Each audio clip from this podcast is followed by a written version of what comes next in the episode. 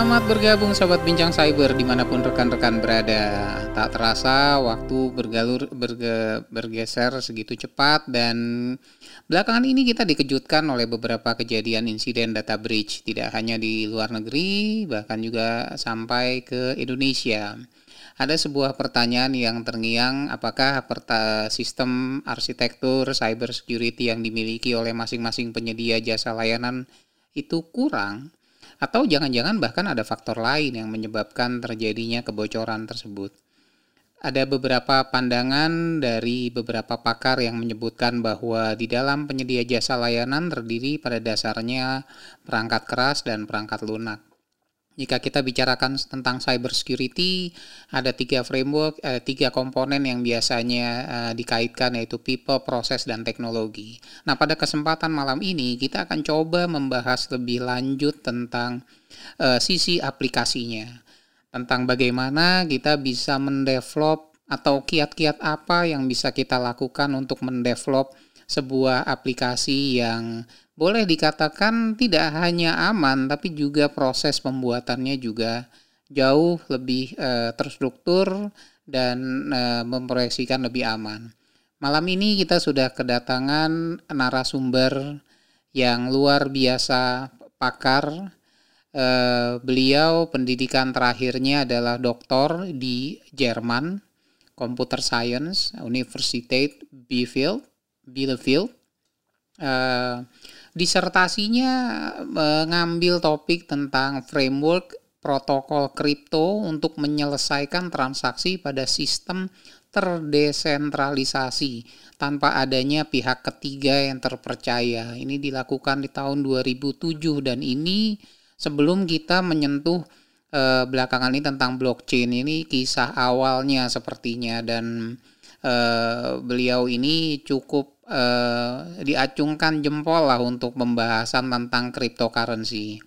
Nah, pengalaman beliau di tahun 2001 itu dia sebagai sistem arsitek pembuatan certification authority system di Telkom. Ini kita bicara tahun 2001. Jadi saat itu mungkin belum ada. Jadi betul-betul ini uh, ground uh, dibangun oleh uh, beliau dengan timnya.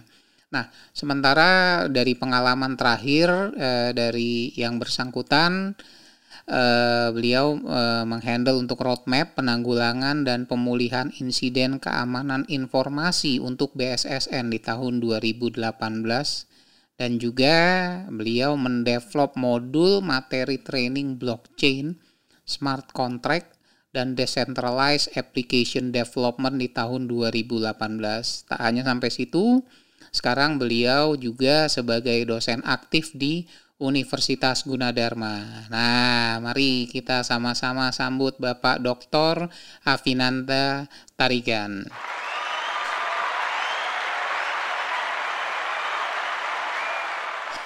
Halo Pak Avinanta, apa Halo, kabar? Pak Baik, alhamdulillah. Gimana kabarnya, Pak? Baik, Pak. Wah, luar biasa. Terima kasih loh, Pak. Ini uh, saya interviewnya sampai gugup ini, Pak. Ini karena narasumber Waduh, saya luar saya biasa. Terima kasih. Pak, di interview. Waduh.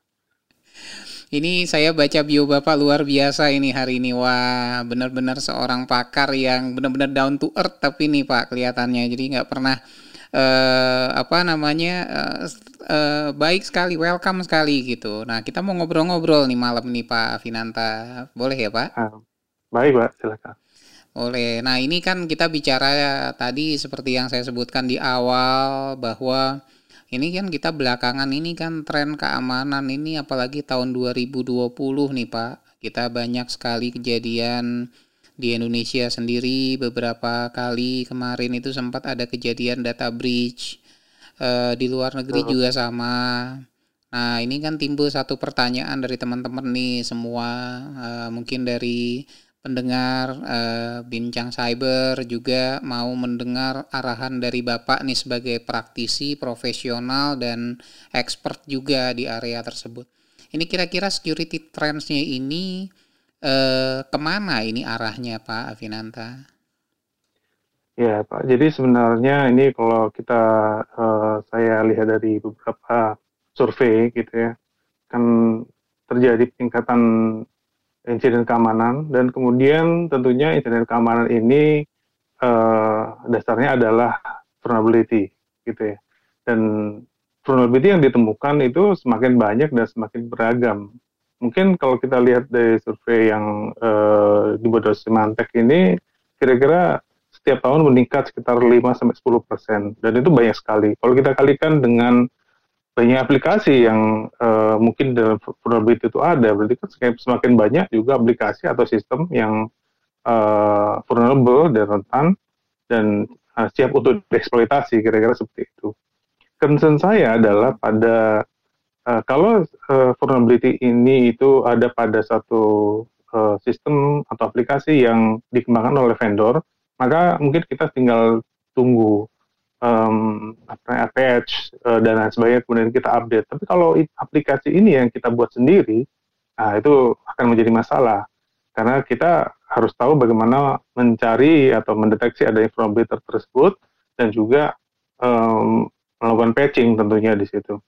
Dan pada uh, faktanya yang saya lihat itu bahwa kita uh, cenderung untuk melakukan uh, security testing atau vulnerability management itu di akhir atau pada waktu sistem dioperasikan. Dan kita sangat bergantung pada pihak ketiga, pen tester, bug bounty, dan lain sebagainya.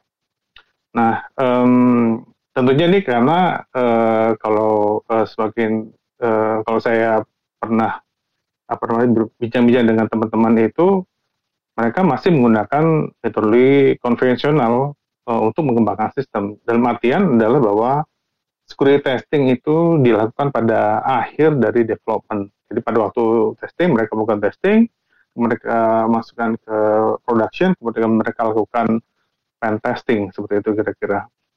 Dan akhirnya ya eh, hal ini ada beberapa vulnerability yang mereka belum atau yang belum pernah di uh, explore sebelumnya itu ternyata baru diketahui setelah uh, berjalannya waktu dan ini problemnya seperti itu.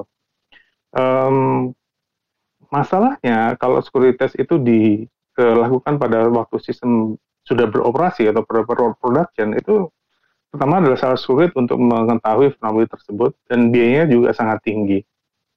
Uh, dan testing tersebut atau uh, pengujian tersebut itu hanya menunjukkan apakah kerentanan keamanan yang kita cari itu ada pada sistem yang diuji. Ya, tapi tidak menunjukkan bahwa sistem kita tidak mempunyai kerentanan keamanan. Ya, jadi uh, misalnya saya mencari skill injection, maka ya dia akan tunjukkan uh, skill injection uh, apakah sistem kita punya injection, injection vulnerability atau tidak. Sedangkan uh, untuk uh, secara keseluruhan itu belum tentu. Ya, dan lagi adalah pada waktu sistem sudah berjalan atau software itu sudah sangat kompleks, maka kita berhadapan dengan yang disebut dengan state space explosion problem. Nah ini kalau di teman-teman yang biasa melakukan testing ini tahu nih state space explosion problem itu adalah bahwa kalau kita tahu di algoritma pemrograman itu pas eh, apa namanya adanya percabangan, adanya looping dan sebagainya itu membuat uh, state space itu semakin besar dan itu sangat eksponensial. Nah, dari sekian banyak state itu uh, ada berapa banyak state yang bisa kita uji sehingga kita tahu bahwa mereka aman. Nah, inilah yang menjadi problem di situ, Pak. Oke, berarti kalau saya melihat di sini tren perkembangan keamanan yang semakin meningkat ini sebenarnya ada kaitan atau banyak kaitannya dengan tingkat maturitas keamanan atau pengujian keamanan terhadap aplikasi yang bersangkutan ya Pak? Ya, sebenarnya okay. seperti itu. Okay. Tapi hmm. um, kalau kita lihat lagi bahwa sebenarnya itu bisa kita hindari jika kita melakukan pengamanan itu atau kita implementasi security sejak awal sistem itu dibangun. Ya. Oke, okay. uh, eh, uh, okay. sebelum kita sampai ke sana, Pak, ini satu hal yang cukup menarik. Uh, ya. Kalau dari pengalaman Bapak, uh, uh, apa yang mem memberikan signifikasi atau perbedaan yang paling mendasar dari sudut hasil itu kalau pengetesan diuji seiring dengan development dibandingkan jika pengetesan dilakukan di akhir yang tadi kita bicara ada pentester dan lain sebagainya. Apa perbedaan signifikannya, Pak? Ya, uh, tentunya kalau kita sudah mulai dari awal, ya pada tahap katakanlah SDLC itu kan ada analisis, requirements, ada design, ada coding, implementation, testing, deployment dan sebagainya. Uh, ada satu survei ini dari uh, WSA itu bilang bahwa uh, satu bug kalau ditemukan pada waktu deployment itu costnya sekitar 2000 dolar. Tapi kalau itu ditemukan pada waktu analisis dan requirement itu sekitar 10 dolar uh, apa namanya effort untuk me, me, uh, menutup keamanan uh, celah keamanan tersebut. Karena pada waktu kita melakukan itu di awal itu um, maka semua atau mungkin bisa kita kan uh, kita mendapatkan gambaran secara mendetail uh, kira-kira apa titik lemah yang ada dalam aplikasi kita dan kita uh, sudah mulai dari awal melakukan uh, apa mitigasi effort atau effort mitigation untuk untuk menutup celah keamanan tadi atau mencegah adanya uh, celah keamanan tadi. Kalau itu sudah di belakang di deployment berarti celah keamanan itu sudah ada iya kalau memang itu adalah uh, hasil dari coding yang salah atau flow yang dia dia gawikan ke recording tapi kalau itu adalah uh, desain flow maka itu harus dirombak uh, dari awal kira-kira seperti itu. Oke, ini ini satu uh, hal yang mungkin cukup menarik kita uh, men-trigger pikiran. Jadi kalau kita boleh katakan uh, pengujian keamanan yang dilakukan pada saat development dilakukan itu tidak menciptakan kerentanan keamanan sampai dia masuk ke tahapan develop uh, deployment tadi. Artinya, mungkin tadi ada kaitan dengan analisa biaya yang Bapak sempat kutip tadi.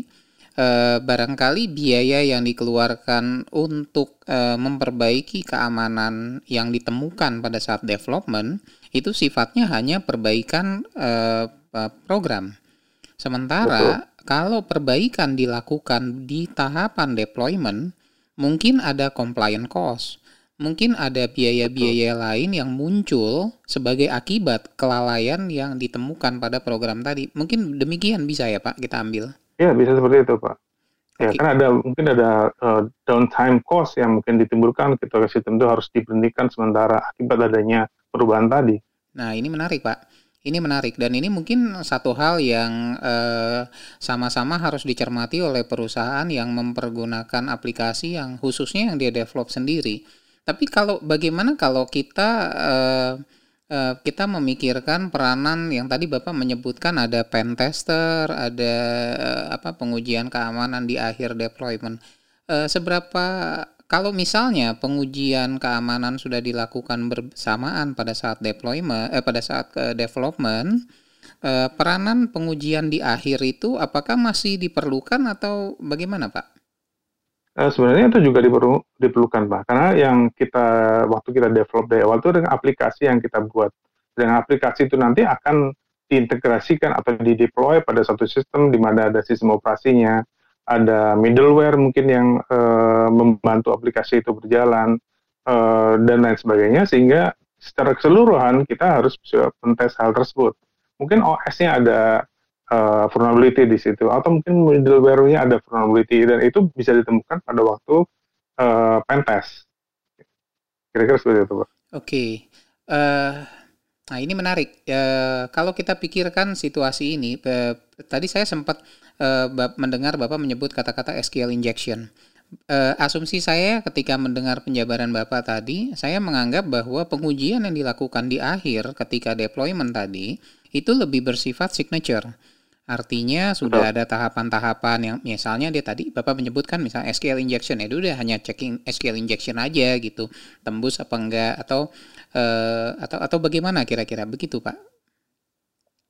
Ya, um, sebenarnya adalah bahwa kalau misalnya ini kita lakukan dari awal, tentunya pada waktu kita melakukan uh, programming itu sudah developer itu atau programmer sudah dibekali uh, dengan suatu pengetahuan di mana anda kalau melakukan uh, apa apa namanya programming dengan SQL tentunya harus melakukan A, B dan C.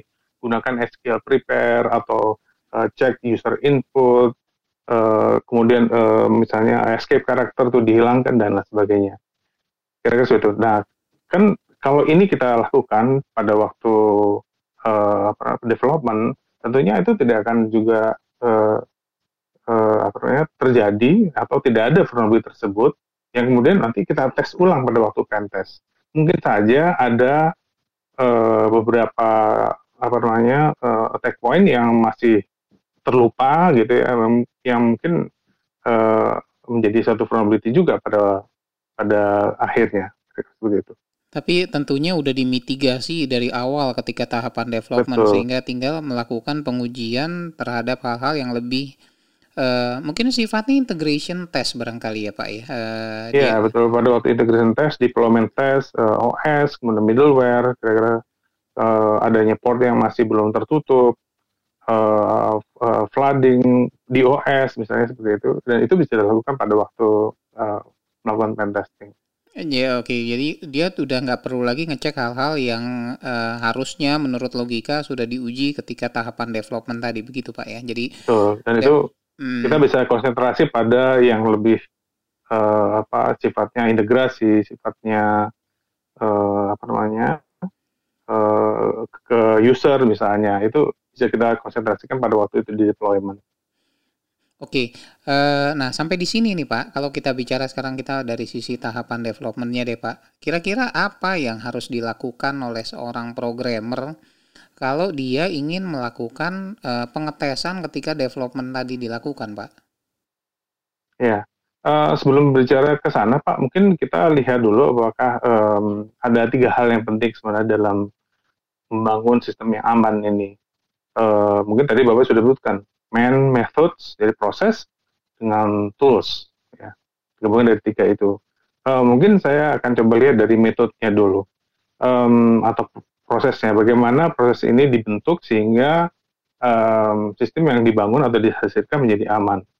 Uh, kita sudah kenal SDLC gitu ya uh, software development life cycle yang tentunya ada analisis kemudian desain kemudian uh, coding, uh, implementation, testing, uh, operasi dan lain sebagainya. Nah, kemudian ada muncul yang dengan secure software development. Ini tahun 2016 mulai dicanangkan. Uh, sebenarnya hampir sama dengan uh, software development lifecycle uh, yang pada umumnya ada, tapi ada satu porsi di mana kita bisa merencanakan, kita bisa analisis, kita desain, kita implementasi faktor keamanan dalam sistem yang sedang dibangun, ya.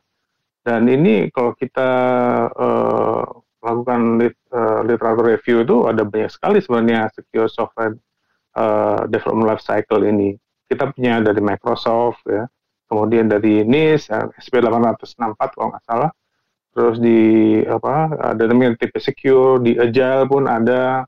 Kemudian ada disebut dengan correctness by construction dan sebagainya.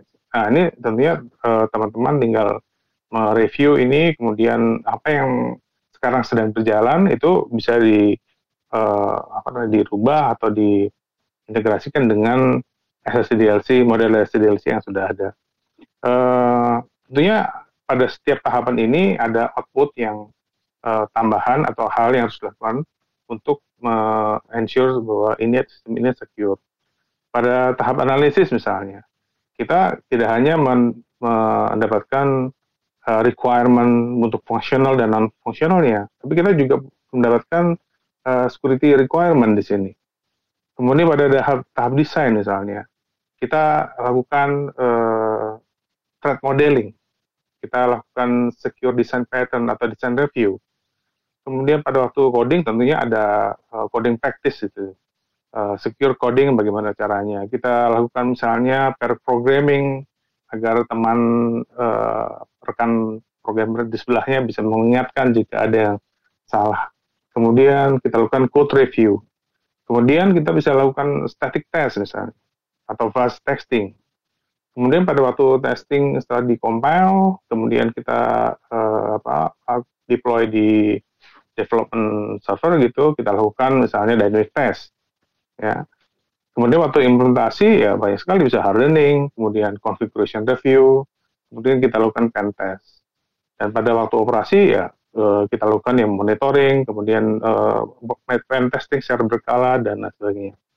Dan ini kalau uh, ini dalam satu siklus, misalnya dalam DevOps gitu misalnya, itu tentunya code yang dibuat atau yang di di develop ini bisa direview berulang-ulang ya sehingga mungkin pada tahap sebelumnya itu belum diketahui adanya vulnerability, vulnerability di situ. Nah di tahap berikutnya juga bisa direview ulang, kemudian kita bisa menemukan uh, uh, mungkin satu vulnerability yang belum diketahui sebelumnya. Nah, kira-kira seperti itu, bagi uh, itu yang untuk um, metodologi. Kita bisa ambil dari um, mana saja, tentunya disesuaikan dengan uh, culture development yang kita punya. Mungkin ada yang mengadopsi uh, agile, ya silahkan uh, mencari yang uh, software development untuk agile.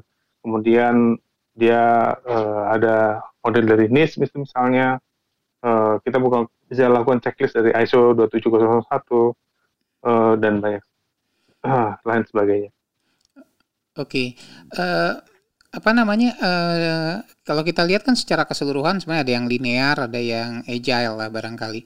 Uh, ada ada kalau ketika kita mau milih tadi dari sekian banyak yang ada itu ada kira-kira kita patokannya ke mana ya Pak? Ada saran mungkin? Uh, sebenarnya pada setiap uh, standar atau model yang ditawarkan ini itu um, saya kira isinya mungkin hampir sama gitu Pak. Cuman yang agak berbeda mungkin di uh, Microsoft SDL ini mereka uh, yang yang menarik ini adalah pada tahap awal itu justru ada training dibilang seperti itu. Jadi kita refresh uh, semua pengetahuan kita, semua knowledge kita tentang security, uh, apa the latest uh, vulnerability yang ada dan lain sebagainya itu dilakukan di awal untuk semua personel sehingga Eh, kita punya mindset yang sama, kita punya knowledge yang sama tentang security itu, dan itu adalah yang latest. Barulah kita melakukan yang disebut analisis, design, coding, testing, implementation, dan sebagainya. Dan uh, pada tahap analisis uh, hampir sama semua itu kita me, melakukan analisis, kemudian kita mendapatkan security requirement. Ya, security requirement itu misalnya um, misalnya pada uh, pada aplikasi ini akan berhubungan dengan pihak ketiga untuk melakukan pembayaran dengan menggunakan API. Nah, tentunya kita akan berlanjut nih, bagaimana seperti requirement dari API yang akan kita deploy nanti, yang kita program nanti. Nah, kita selalu benturkan kepada uh, apa aspek keamanan, authentication, confidentiality, integrity, uh, non-repudiation misalnya atau availability dan uh, atau mungkin di um, apa namanya di lain tuh ada yang namanya uh, SRIDE gitu misalnya spoofing, tampering, repudiation, uh, denial of service, elevation of privilege dan kita bisa melakukan identifikasi tersebut kemudian um, kita integrasikan dengan uh, culture development yang sudah kita punya jadi biasanya nih yang saya tahu ya Hmm. Tidak semua mengadopsi secara penuh nih. Saya menggunakan punya Microsoft, saya gunakan punya uh, Agile gitu. Biasanya mereka punya culture development tersendiri untuk masing-masing organisasi. Nah, kita tinggal mem, apa mendevelop lagi, menambahkan uh, sesuai dengan yang kita punya. Oke. Kira-kira seperti itu. Tapi pada intinya berarti uh, sebenarnya hal yang menarik di sini uh, bahwa proses uh, security itu dilakukan bersamaan mau pakai platform atau konsep mana pun tetap saja uh, di awal kita dari semenjak uh, se sedini mungkin kita langsung memperkenalkan mekanisme security-nya gitu ya demikian Betul, ya Pak. Oke. Nah, iya.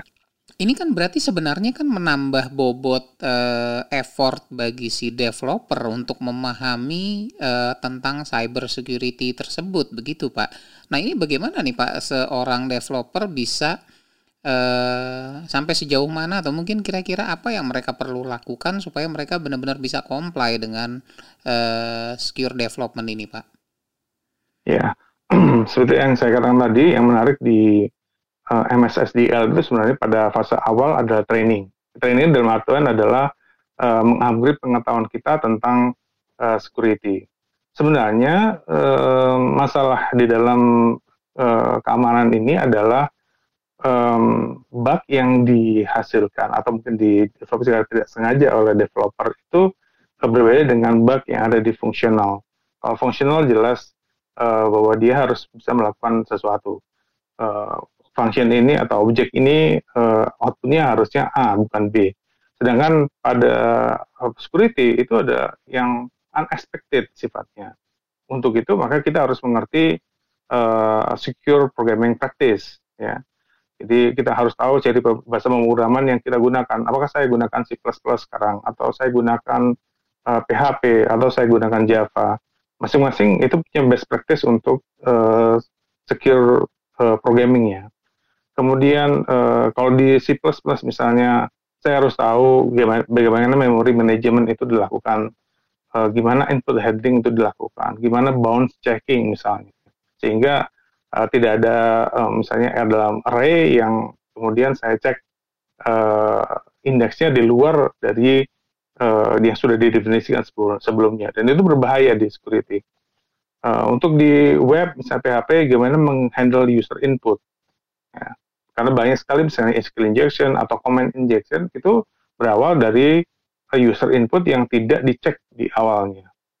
Kemudian uh, logic error gitu, misalnya pada otorisasi, pada uh, apa filtering itu biasanya ada logic error. Pernah saya temukan nih uh, untuk otorisasi ya, ada mereka menggunakan if dan else gitu ya. Dari if satu maka dia adalah uh, tingkat seperti pertama. F2, tinggal suri kedua dan sebagainya. Else-nya itu adalah admin. Jadi kalau saya bisa manipulasi variabel tadi yang dicek tadi dengan nilai yang lebih tinggi, maka saya langsung uh, menjadi admin.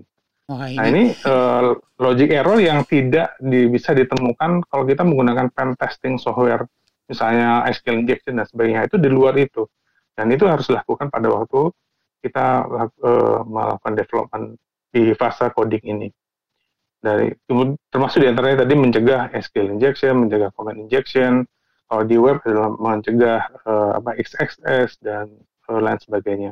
Nah, de dengan framework atau bahasa pemrograman yang kita gunakan sekarang, uh, ada best practice yang bisa kita follow, yang bisa kita apa, pelajari, yang kita bisa praktekkan nanti pada waktu kita melakukan coding. Itu Pak. Ini uh, saya mendengar jabaran Bapak tentang if dan else itu jadi pemikiran saya berkembang kepada uh, zero day attack yang barangkali belum diketahui tapi orang lain sudah ketemu karena udah baca dari sisi codingnya. Jadi Betul. ini sebenarnya lebih menakutkan. Jadi kayak time bomb ya. Kita di awal ketika kita punya atau kita mempergunakan aplikasi kegagalan uh, developer untuk menerapkan sistem keamanan itu bisa lebih berpotensi menyebabkan zero day yang mana itu nggak umum uh, ya kembali lagi yang tadi bapak sebutkan pentes itu hanya mungkin menganalisa hal-hal tertentu saja yang menjadi fokus kemudian oh. mungkin dia nggak sempat satu orang atau tim misalnya untuk analisa program sebesar itu kan untuk bangunnya aja kan tentunya nggak sedikit ya developer ya, tapi banyak sekali pintu-pintu celahnya ya. Mungkin barangkali itu lebih relevan dengan perkembangan kejadian ancaman security yang semakin intens dari waktu ke waktu ya, bergeser ini ya, makin besar. Uh, apa uh, kalau saya kembali ke sisi faktor tech ya tadi ada yang Bapak sebutkan static test Pak. Ya, dari sisi static uh, static test itu dibandingkan dengan dynamic test itu kira-kira bobotnya lebih besar uh, effortnya lah atau uh, juga impactnya yang mana ya Pak antara dua model testing ini? Ya kalau static test, uh, static uh, test atau static analysis itu kan dilakukan pada uh, source code-nya, jadi source code dari program. Dan itu biasanya uh, static analyzer itu melakukan control flow analysis atau melakukan chain analysis jadi dia bisa mengidentifikasi variabel yang uh, satu variabel yang nanti isinya adalah dari sumber yang tidak dapat dipercaya, misalnya dari user input atau dari um, HTTP request atau file yang dibuka gitu ya, dan melakukan tracing terhadap semua objek atau function yang terpengaruh oleh uh, variabel tersebut. Dan uh, dia melakukan labeling. Dari situ dia akan melihat apakah ada improper handle dari variabel tadi um, sehingga uh, bisa berpotensi untuk me, uh, menimbulkan suatu vulnerability di situ. Uh, dan ini static analyzer ini sangat penting uh, karena dia bisa menemukan misalnya code injection, dia bisa menemukan uh, potensi adanya buffer overflow, ya. Kemudian uh, yang berkaitan dengan input atau memory handling itu bisa di uh, bisa diidentifikasi lebih awal daripada static analyzer dan itu um, dia bisa menemukan berbagai hal yang misalnya ada coding yang uh, tidak sesuai dengan coding secure coding practice misalnya. Nah, ini yang bisa ditemukan pada static analyzer dan itu um, secara cultural itu akan membawa programmer untuk mendevelop lebih baik lagi, bisa mengkoding lebih baik lagi di sini. Karena pada ditemukan di stack analyzer, wah ada ini ada sesuatu potensi yang uh, berbahaya kalau kita melakukan programming seperti ini, maka dia akan berubah. Ya kan dia akan berubah itu, kemudian tentunya dengan harapan dia tidak akan melakukannya lagi. Nah, seiring dengan berjalan waktu dengan analyzer ini bukan hanya code-nya itu di lebih baik, tapi juga programmernya akan lebih baik Kira-kira seperti itu. Perkembangan nah, skill, uh, Pak ya. Iya, betul. Nah, kemudian pada dynamic analysis ini berarti pada waktu sudah dikompil menjadi executable, barulah uh, dilakukan uh, dynamic analysis ini. Um, dan ini uh, pada dynamic analysis ini biasanya saya contohkan aja langsung kita menggunakan OAuth misalnya. Yang OAuth itu ada di tengah-tengah sebagai proxy, dan kita menggunakan browser uh, menembak ke aplikasi kita dan Observe akan mencoba seluruh um, apa namanya seluruh kemungkinan input yang bisa diberikan kepada setiap uh, entry point yang ada dalam aplikasi web kita. Uh, atau post, get, put dan lain sebagainya dia akan coba. Dan dia akan simulasikan gimana user uh, login dari awal dan lain sebagainya. Dan dia akan mencoba untuk mengetek uh, aplikasi kita dengan uh, random data dan uh, vulnerability web yang biasanya sudah ada di situ, yang sudah diketahui uh, sebelumnya. Jadi um, ya kita gabungkan jadi pada waktu static analysis ini pada waktu coding dan pada waktu uh, kita testing itu setelah di compile tentunya atau di build kita akan lakukan dynamic uh, analysis dan uh, mungkin uh, ada yang penting lagi yang disebut dengan fast testing. Fast testing itu dilakukan pada waktu uh, modul testing sebenarnya. Jadi sebelum kita build seluruhnya, kita bisa metes uh, satu unit atau satu kelas ya dengan menggunakan fast testing ini. Jadi fast testing ini intinya adalah uh, tools yang nanti akan mengenerate uh, apa namanya suatu input yang malform sifatnya. Jadi yang salah uh, stringnya besar, kemudian apa namanya uh, uh, mestinya yang diinput adalah integer, ini dia masukkan string atau yang string menjadi integer dan sebagainya. Sambil kita memonitor aplikasi. Kalau aplikasi itu crash karena adanya fast testing ini atau uh, unit tadi crash misalnya mengeluarkan error dan sebagainya, kita bisa tahu ada potensial uh, memory leaks, uh, code yang salah dan lain sebagainya. Jadi ini baik bagus sekali untuk menemukan potensial uh, vulnerability untuk stack overflow, untuk heap overflow, ya. Kemudian ada uh, memory handling yang salah, ini juga bisa kita uh, lakukan dengan menggunakan fast testing, fast testing sebelum dynamic testing dilakukan. Nah, untuk toolsnya sendiri mungkin nanti bisa dicek untuk static analysis tools ini ada RIS misalnya untuk PHP, uh, CPP check untuk C++ ya, di OAuth ada OAuth uh, Lab C++ untuk Java dan lain sebagainya. Big testing juga saya sudah sebutkan tadi ada ada OAuth ya, ada um, OAuth proxy maksud saya, kemudian ada uh, WAPT ya, Burp Suite, maksud teman-teman sudah tahu nih. Yeah. PHP punya web inspect uh, dan lain sebagainya. Ini bisa kita lakukan dengan menggunakan tools tersebut. Jadi intinya bahwa tools ini membantu kita untuk me uh, mengetahui adanya vulnerability baik di source code, baik di unit test maupun pada waktu uh, selesai di build dengan menggunakan dynamic analysis. Oke, uh, kalau kita tahu juga dari sisi tahapan development kan nggak semua, kadang-kadang coding itu kita lakukan sendiri. Ada yang mungkin kita misalnya pakai dari Git uh, atau kita ambil source code dari yang lain gitu. Berarti itu kita masukin uh, pengetesannya dari sisi static test dulu Pak ya pertama kali ya Pak. Betul, static test dulu. Kalau sudah jadi modul kita lakukan fast testing, baru dynamic. Jadi sangat berhati-hati lah gitu. oh iya betul banyak sekali nih Pak ya. Ini sebenarnya kan mungkin eh, banyak sekali nih kalau dilihat tahapan-tahapan uh, uh, urutan di mana kita harus melakukan pengecekan dari sisi dari sisi uh, apa namanya uh, codingnya gitu ya semua. Ini kalau kalau tadi balik tadi bapak uh, dari sisi main, dari sisi uh, metodenya, terus mungkin apa, apa ada lagi pak uh, kelanjutannya dari situ pak dari metodenya? Ya dari man, uh, kita tadi metode ya, kemudian uh, man, kemudian kita tools tadi kita, oh, okay, tools, kita ya. lihat ya.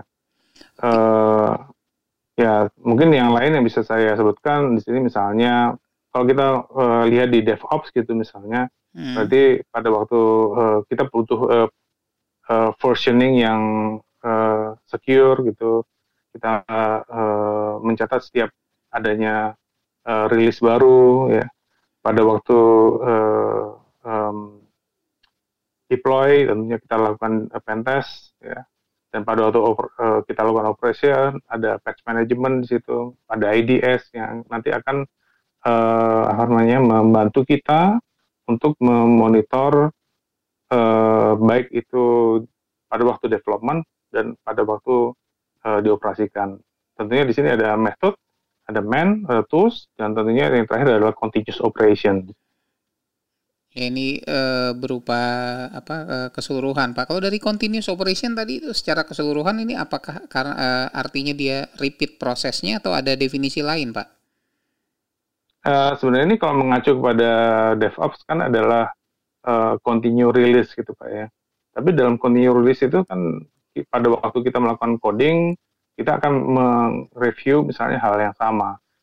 Uh, ada uh, modul yang sudah kita buat pada uh, rilis sebelumnya, kita review juga pada rilis yang berikutnya. Dan tentunya uh, hal semacam ini akan membantu kita untuk uh, menemukan uh, vulnerability yang sebelumnya itu belum ditemukan pada rilis sebelumnya.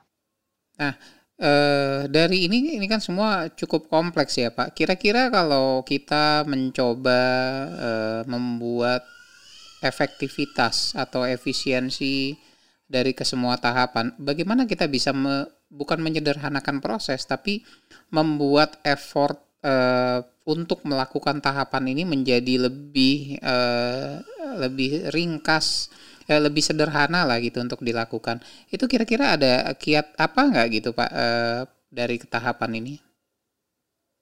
Um, saya kira ya kalau dalam metodologi um, pada uh, pada waktu kita melakukan uh, biasanya ini akan ba banyak effort di awal pada waktu analisis dan desain. Sedangkan pada pada pada waktu coding sebenarnya ini uh, effortnya saya kira untuk security tidak terlalu banyak karena itu berjalan uh, bersama pada waktu kita melakukan coding. Jadi uh, kalau kita sudah tahu best practice-nya maka tidak akan ada effort tambahan pada waktu kita melakukan coding tadi selain kita melakukan static testing. Dan static testing tentunya tidak banyak karena begitu kita coding kita jalankan static test uh, testing maka dia akan langsung memberikan beberapa hal yang uh, suggestion yang nanti akan kita lakukan uh, perbaikan ya kira-kira seperti itu. Okay. Nah memang pada awalnya yang agak susah itu pada waktu analisis dan desain. Pada waktu analisis kan kita harus punya security requirement, kita harus benar-benar uh, me, uh, apa ya sangat rigid dan very careful gitu pada waktu kita me, uh, melakukan semua uh, entry point yang ada, kemudian kita bisa menggunakan misalnya uh, apa namanya thread modeling pada waktu desain kita bisa gunakan attack tree uh, banyak sekali solusi yang bisa kita gunakan untuk melakukan thread modeling ini. Tapi dan itu memang effortnya sangat besar pada pada waktu awal sebenarnya. Tetapi nanti kalau sudah dijalankan pada waktu uh, coding dan uh, building dan sebagainya itu akan uh, saya kira akan seamless dan uh, effortnya tidak akan terlalu banyak. Kita dibantu terus-terus di situ Oke. Wah ini ini ini satu hal yang cukup menarik nih. Uh, uh, saya sendiri secara pribadi banyak dapat masukan. Uh, ini berarti sekarang uh, kalau kita pikirin ada kesalahkaprahan bahwa uh, orang yang melakukan pentest ketika deployment itu diharapkan all in services sementara hal-hal uh, yang tercantum di program terkait dengan coding dan lain sebagainya itu adalah hal yang sifatnya lebih mengacu ke pemrograman tersebut dan uh, bisa kita simpulkan itu sulit ditemukan ketika pentest. Demikian ya Pak? Iya, itu yang hal-hal yang sulit ditemukan pada waktu pentest. Jadi memang harus ada uh, apa, review, uh, best practice programming, eh, security programming, um, ya pair programming kalau diperlukan memang agar ada temennya yang bisa mengetahui oh ini ada yang salah ini atau ada kemungkinan ini bisa fatal akibatnya dan sebagainya. Dan itu tidak hanya untuk yang uh, dalam konteks security ya, tapi untuk konteks fungsional juga akan sangat membantu. Oke, wah uh, terakhir nih Pak uh, dari saya satu pertanyaan. Nah kalau kita bicara software itu kan bukan sesuatu hal yang statik. Aplikasi itu bukan satu hal yang statik, artinya dia akan terus mengalami perkembangan-perkembangan. Even though pun dia tidak berubah, environment atau infrastruktur tempat dia berjalan di atasnya itu juga pastinya dari waktu ke waktu akan mengalami uh, perubahan, either uh, upgrading atau patching.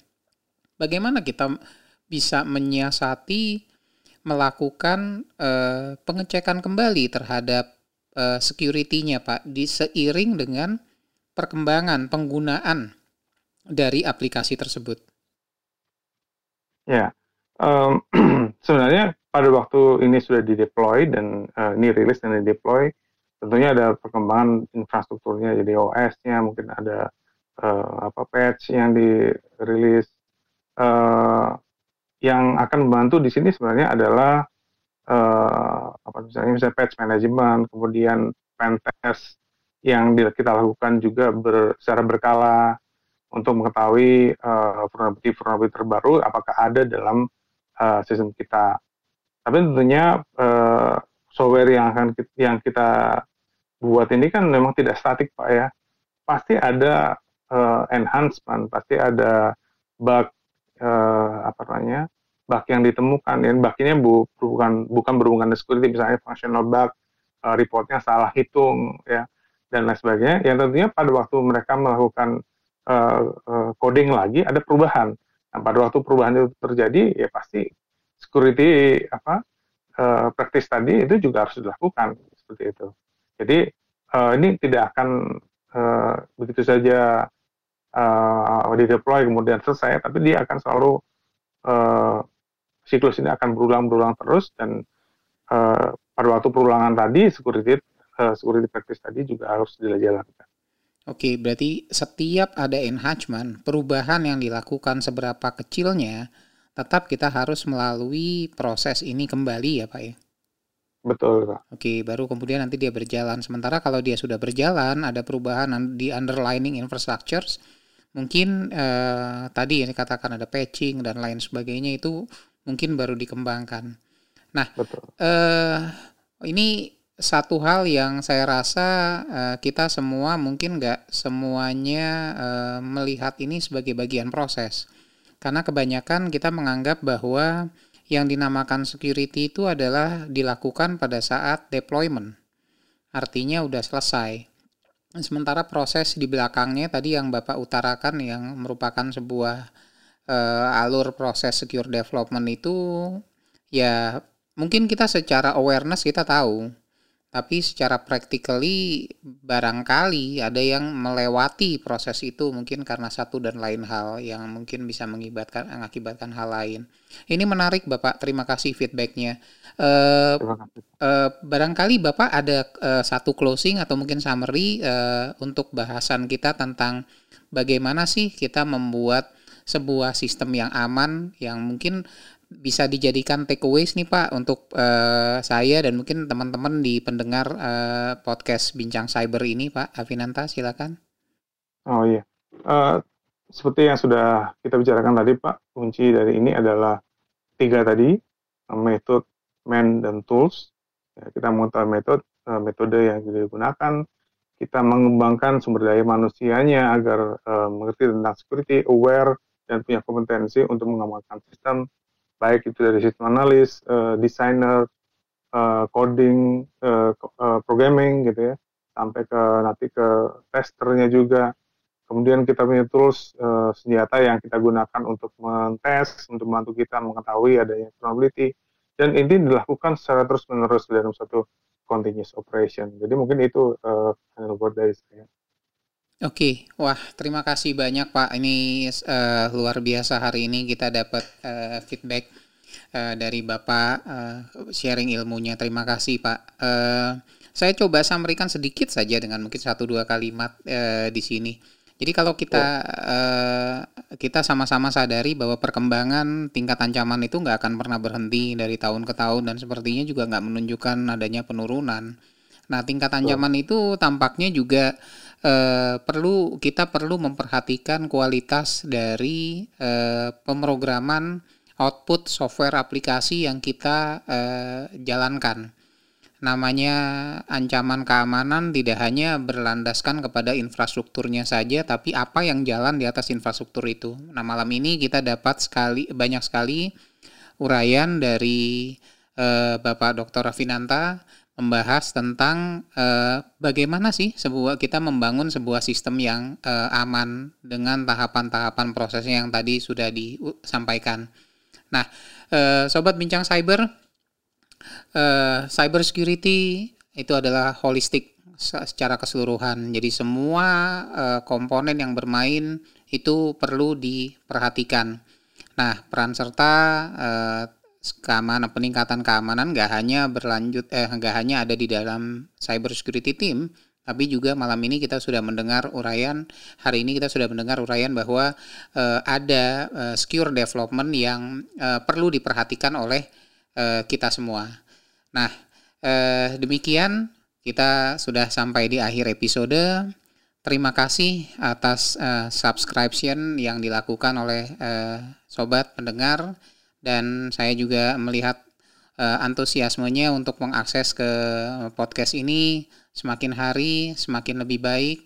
Namun di samping itu kami juga berharap ada feedback, uh, arahan, uh, usulan yang sifatnya konstruktif dan positif untuk perkembangan uh, podcast ini ke depan.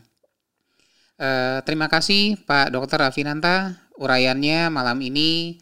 Uh, semoga nanti uh, kalau ada pertanyaan dari rekan-rekan pendengar mungkin nanti akan saya sampaikan ke Bapak uh, untuk nanti jawabannya akan saya berikan kembali.